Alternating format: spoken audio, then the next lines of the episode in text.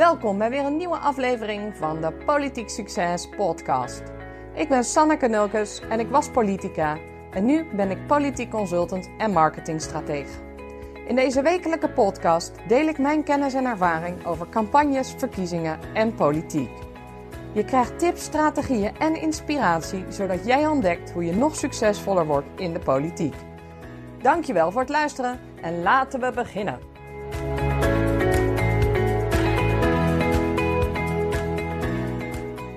In deze Politiek Succes podcast neem ik je mee bij de mogelijkheden om in tijden van social distancing je social media slim of slimmer in te zetten.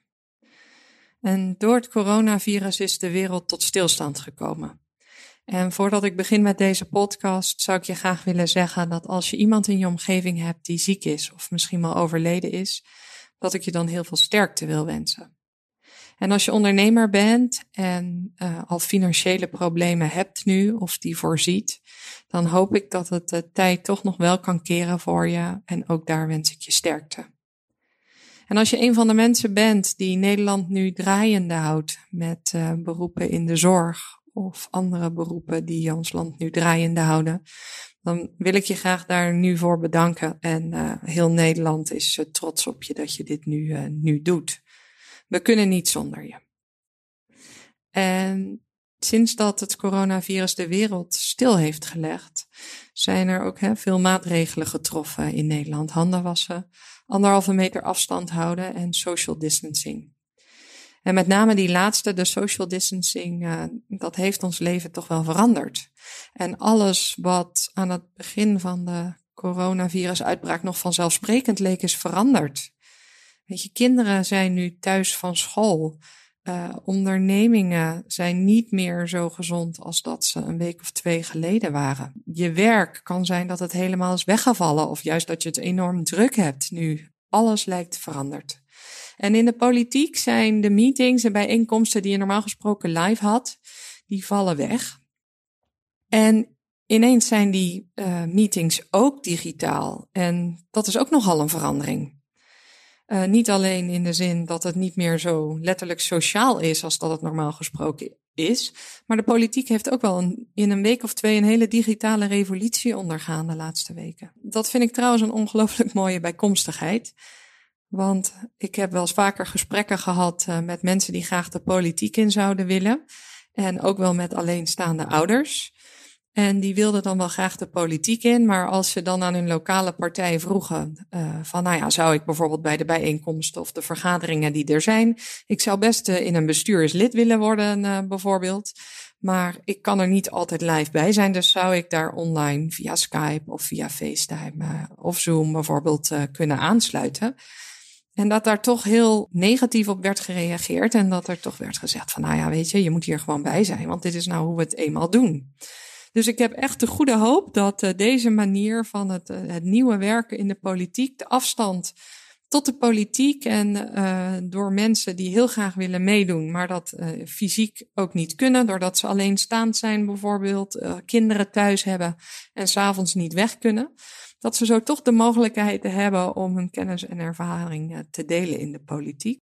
Maar goed, dat is iets wat ik leuk vind en waar ik heel benieuwd naar ben, maar waar ik het vandaag niet met je over ga hebben. Ik wil het uh, vandaag dus graag met je hebben, zoals gezegd, over hoe je je tijdens social distancing slim met social media omgaat. Social media, dat is uh, natuurlijk uh, ongelooflijk belangrijk in deze periode waarin mensen zich heel eenzaam en angstig voelen. Gaan ze zich veel richten op social media. In China is het al zo dat sinds de uitbraak van het coronavirus dat Chinezen uren per dag op hun telefoon zitten. Dat uh, loopt op tot gemiddeld 7,3 uur per dag. En waar het grootste gedeelte van is scrollen en kijken naar wat andere mensen doen. En dat is natuurlijk ook een groot gedeelte om dat gevoel van eenzaamheid en angst, om dat weg te nemen. En het kan ook zijn dat jij op dit moment heel alleen zit, want het kan ook zijn dat je letterlijk alleen bent en dat je door de social distancing weinig contact hebt eh, met anderen. En weet dat je daarin gewoon niet alleen bent. De halve wereld heeft dat nu. En het gevoel ken ik zelf ook. op mijn zestiende besloot ik dat ik wel een jaar naar Amerika wilde. En ik had MTV gekeken en daar zag ik het Amerika van New York, van Florida, van Californië. En ik dacht, wauw, daar zou ik toch echt wel super graag willen wonen. Nou, ik heb een brief geschreven over wie ik was en uh, dat ik graag in Amerika wilde wonen. En dat is naar een aantal gastgezinnen gestuurd.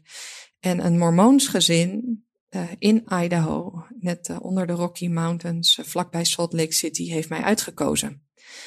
Het was een cowboygezin met vijf kinderen op een boerderij overal ver vandaan. En kort en goed kan ik je zeggen dat het niet was wat ik er vooraf van had verwacht. Nou ja, uiteindelijk ben je dan net 17 en dan denk je dat je wel even de wereld gaat uh, veroveren. Maar ondertussen zat ik daar op een boerderij overal heel ver vandaan.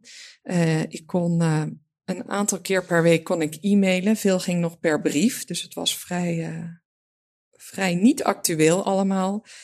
ik hoorde pas vaak een week nadat mensen iets hadden gedaan, vrienden en vriendinnen. Ja, dat is natuurlijk best wel laat. En in deze tijd denk ik dat we gewoon ongelooflijk blij mogen zijn dat social media er is. En dat dat wel een manier is waarop je wel die contacten kon onderhouden. Ik denk dat het mijn jaar destijds, nu alweer lang geleden, maar toch wel echt heel erg had veranderd. Omdat ik dan het gevoel van dichtbij zijn toch wel wat meer had gehad dan toen.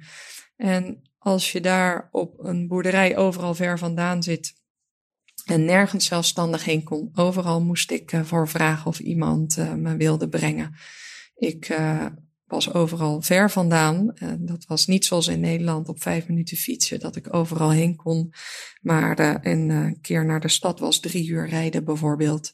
Dus het gevoel van niet vrij zijn en dat voor een hele lange periode heb ik wel al ervaren. Maar wat mij toen heel erg heeft geholpen is om niet te ver vooruit te kijken. En in het jaar dat ik weg was, had ik uh, bijvoorbeeld in november al kunnen denken van, oh, ik moet nog tot juni. En dan had ik mezelf gewoon helemaal gek gemaakt. Maar als ik in het moment leef en gewoon bedenk, vandaag ga ik er een leuke dag van maken. En dit is gewoon waar ik nu ben en dit is het. Dan gaat dag voor dag, gaat zo'n jaar wel voorbij. En natuurlijk zaten er bij mij mooie momenten in zo'n jaar, verdrietige momenten. En dat zal in deze periode van social distancing uh, ook zo zijn. Dus laat je niet verlammen door data, deadlines en maatregelen. Zie gewoon de kansen die er zijn en blijf het positief bekijken, hoe moeilijk het ook is. En neem de dagen stap voor stap. En als je je eenzaam voelt, ga niet doelloos op je telefoon scrollen op social media. Maar als je dat gaat doen, doe dat om een reden. Kijk wat, je, wat er bij je inwoners leeft. Kijk wat mensen hun zorgen zijn, zodat je daar meteen in jouw politieke functie op kunt inspelen. Maar belangrijker nog, ga zelf content creëren. Want de zeven uur die Chinezen um, sinds de uitbraak van het coronavirus op hun telefoon zitten, dat zou zomaar kunnen zijn dat dat in Nederland inmiddels ook is. En ja, weet je, wil je dan iemand zijn die een beetje doelloos scrolt om maar niet te zijn waar je echt uh, bent op dat moment? Of ga je je boodschap de wereld inbrengen? Je hebt er nu de mogelijkheid voor. Uh, ik heb er een enorm makkelijke tool voor, dat is Canva. Ik kan je aanraden die te gebruiken op www.canva.com. Kun je daar gratis, kun je daar allerlei formats en voorbeelden vinden om je social media berichten al helemaal kant en klaar in het goede format die kun je een beetje aanpassen aan hoe je het zelf leuk vindt. Maar vrij gemakkelijk kun je daar eh, hele mooie plaatjes, afbeeldingen, video's. Je kunt alles zo maken dat het uh, gaat opvallen. Dus de mensen die dan wel heel lang op hun telefoon zitten, dus dat zijn jouw potentiële kiezers, jouw volgers, de inwoners, die, die zien jou en je zult gaan opvallen. Dus www.canva.com. Ga zorgen dat je content gaat creëren voor online en dat je mensen gaat inspireren, want daar zijn ze nu hard op zoek. Ik uh, zou je adviseren om te gaan automatiseren wat kan. Uh, andere mensen zitten dus heel veel op hun telefoon. Nou, dat is uh, heel fijn, want je hebt een heel groot doelgroep die op dat moment op zoek is naar inspiratie en naar informatie. En kijk naar wat je past. Wil je iedere dag iets plaatsen of juist één keer in de week? Maar zorg dat je daar een, uh, een vast ritme in hebt.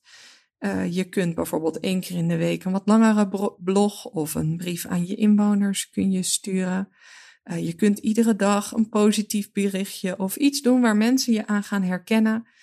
Maar doe wat je kunt volhouden. Langer dan een dag of drie, maar hou dat echt langer vol.